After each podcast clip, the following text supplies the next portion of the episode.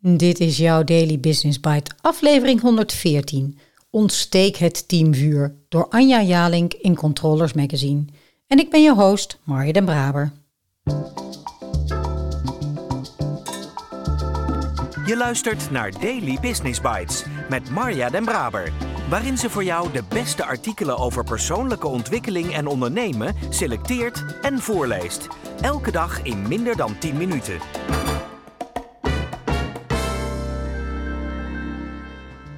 Als gevolg van corona hebben we sommige organisaties kleine wonderen zien verrichten.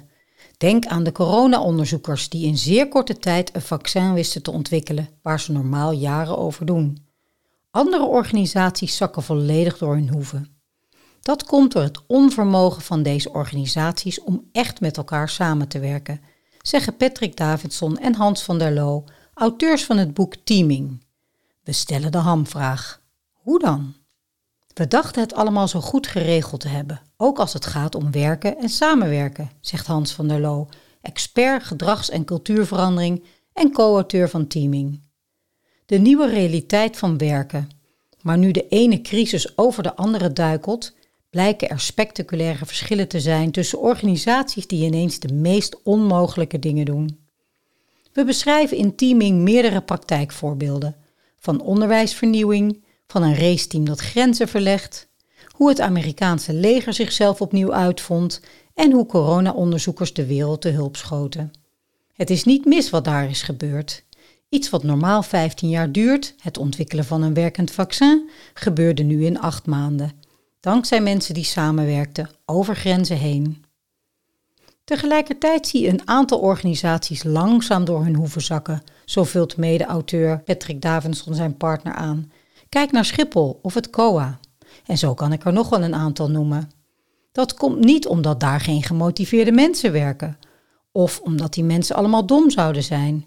Nee, het is een onvermogen van deze organisaties om op een nieuwe manier met elkaar samen te werken. Teaming, wat is dat? Teaming is de vaardigheid om snel, soepel en slagvaardig samen te werken, onder druk van voortdurende verandering, zelfs met mensen die je nog niet goed kent, om aldoende een gemeenschappelijk doel zo goed mogelijk te realiseren. Pop-up teams. Bijna iedereen werkt tegenwoordig wel in één of meerdere teams. Uit onderzoek blijkt dat we onze tijd voor 85% besteden aan samenwerking. Gangbare teammodellen gaan uit van vaste structuren en een stabiele samenstelling, maar tegenwoordig zijn teams voortdurend in beweging. De trend gaat in de richting van dynamische teams, of zoals Van der Loo en Davidson zeggen, pop-up teams. Deze ontstaan ogenschijnlijk uit het niets. Zij clusteren zich rondom bepaalde opgaven. De uitdaging is dat ze er meteen staan en kunnen leveren wat nodig is. En als het werk gedaan is, worden ze weer ontbonden of bij een ander team gevoegd. Deze dynamische teams onderscheiden zich qua levensduur, vorm, samenstelling, openheid en ontwikkeling van reguliere teams. Het gaat om mensen die met elkaar samenwerken, die met elkaar een klus te klaren hebben. En als de opgave klaar is, dan komt er weer een nieuw team, zegt Van der Loo. Teams deinen mee op de stromen en de golven van een dynamische omgeving. Zeven basisprincipes voor succesvolle pop-up teams. Principe 1. Beperk de omvang, hou het klein. Principe 2. Gedeelde opgave, kies een gezamenlijk doel. Principe 3. Wederzijdse afhankelijkheid, wees samen sterk. Principe 4. Tijdelijkheid, omarm de dynamiek. Principe 5. Externe oriëntatie, open up. Principe 6. Aanpassingsvermogen, schakel snel en soepel. Principe 7. Meervoudigheid, ontketen de verschillen. Meer dan vijf jaar geleden ontdekte Google het geheim van succesvolle teams. De conclusie van jarenlang onderzoek naar verschillen in teamprestaties: het draait niet zozeer om wat je nastreeft en om wie dat doet, maar vooral om hoe je met elkaar samenwerkt. In succesvolle teams krijgt iedereen de kans om zijn bijdrage te leveren, neem je iedereen serieus, benut je de diversiteit aan talent en staan leren en leveren centraal. De eerste vraag die wij een team voorleggen is: wat is het bestaansrecht van dit team? Zegt Patrick Davidson, bedrijfseconoom en van beroep eeuwig stagiair. Als je daarop gaat doorvragen, kom je er in succesvolle teams snel achter dat mensen in een team werken omdat ze ervoor gekozen hebben, omdat ze talenten hebben waarmee ze kunnen bijdragen aan het doel van dat team. Het ene team is overigens het andere niet. One size fits all bestaat niet. Er zijn wel basisregels, maar wat voor jou nu een goed team is, is niet per se voor jou in een andere situatie ook een goed team. Het Amerikaanse leger is daarbij wel interessant, vult Van der Loo aan. Daar zie je eigenlijk een dubbele structuur. Voor de routinematige taken is er een vastere structuur en er is een andere soort organisatie, de Special Forces, die erop uit zijn om in heel wisselende groepjes in hele dynamische omstandigheden terroristen te bestrijden. Vroeger moest dat allemaal langs de lijn naar het Pentagon en weer terug. Het is een bundeling van teams, een team of teams. En dat is wel interessant. Die organisatie is eigenlijk niets meer dan een juridische entiteit. En voor juristen is dat heel waardevol. Maar wat er feitelijk gebeurt, komt uit die teams. Het is ook niet zo dat heel Schiphol waardeloos is, of het COA. Dat lijkt van buiten misschien zo, maar er zitten daar ongetwijfeld ook pareltjes tussen de teams. Dat zie je vaker in organisaties dat in dezelfde gang verschillende teams zitten waarbij het ene fantastisch werk doet en het andere waardeloos werkt. Generieke standaardoplossingen werken niet. Je zult wel meer maatwerk moeten toepassen. Wij hebben het boek geschreven om daar de ogen voor te openen. Wat weten we over werken in teams?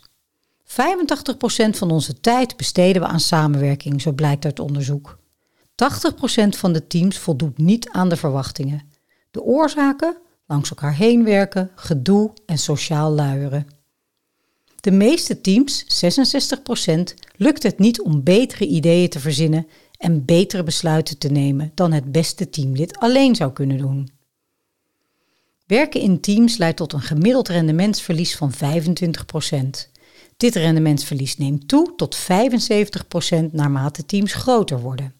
3 tot 5 procent van de teamleden verricht zo'n 20 tot 35 procent van het werk, zo blijkt uit onderzoek. Dit leidt tot overbelasting en onderbenutting. Een professional werkt gemiddeld in 8 teams tegelijk. Kortom, werken in teams is belangrijk en er is genoeg bewijs dat teams veel beter kunnen. Veel werknemers zijn momenteel zoekende naar de juiste manier van samenwerken als team. De een wil graag thuiswerken, de ander wil juist meer op kantoor. Hoe maak je dat optimaal voor het hele team? Davidson, het eerste wat je moet doen is je afvragen: hebben wij elkaar nodig om ons werk te doen? Of kun je je werk net zo goed in je eentje doen? Als dat laatste het geval is, heb je elkaar niet nodig.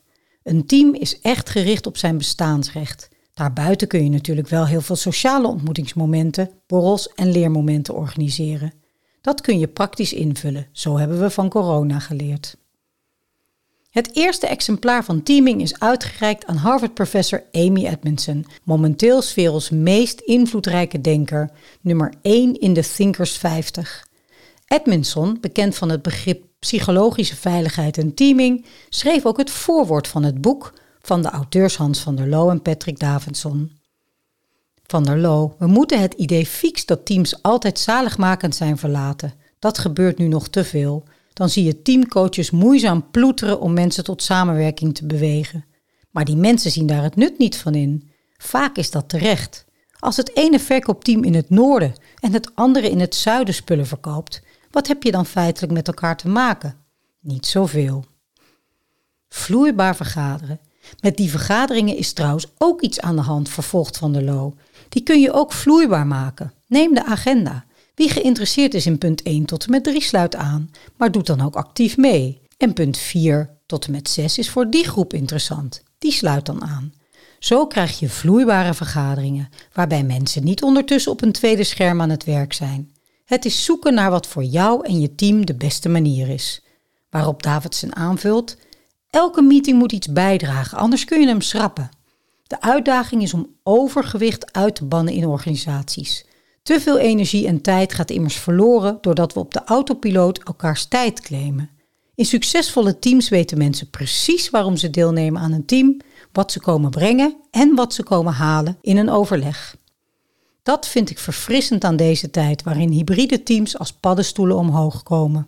Wanneer ze ons vragen om teams te helpen om een vliegende start te maken, dan laten we ze beginnen met een teamcanvas. Dat vullen ze samen in. Dat begint vaak vanuit de persoonlijke handleiding van elk teamlid. Daardoor is snel duidelijk wat mensen nodig hebben om te floreren in de specifieke context van dit team. En daar maak je dan afspraken over, zoals de overlegmomenten waarop je wel en niet deelneemt. Werken in een team is altijd maatwerk. Kan ik zelf aan de slag met teaming? Als je gemotiveerd bent door het onderwerp, dan kun je zeker zelf aan de slag met teaming, betoogt Davidson. Wij zijn juist heel erg van het hoe. De werkvormen in het boek hebben we de afgelopen jaren ontwikkeld en aangescherpt in de praktijk. En nu via het boek gedeeld. Waar je begint, begin eens te praten met mensen. Waar werk je aan en met wie? Is dit het beste team dat er is? Is dit de beste oplossing? Zouden we het niet beter kunnen doen?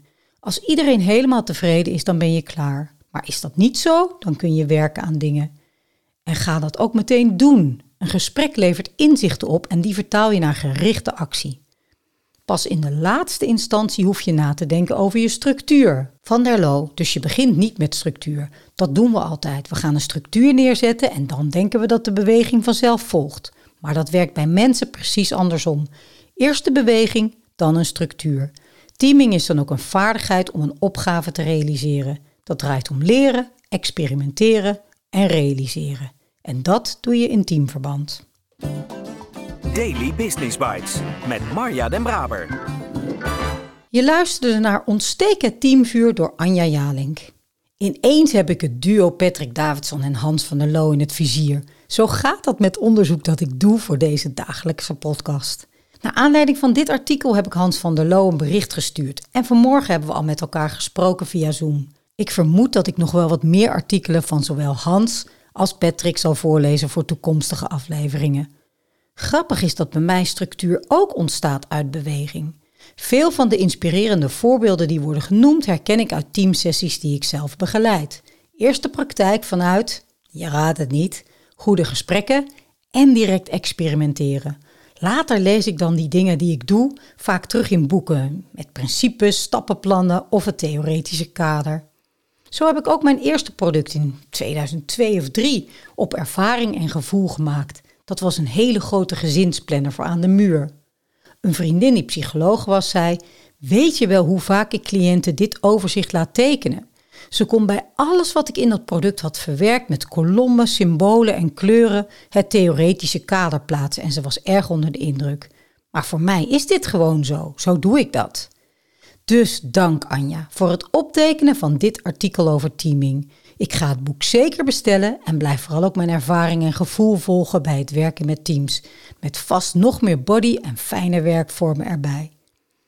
Wacht niet tot er ellende is binnen je team met het inschakelen van een teamcoach of verdiep je als leider in het geweldige onderwerp teams. Het zal je geen windeieren leggen. Ik spreek je graag morgen weer.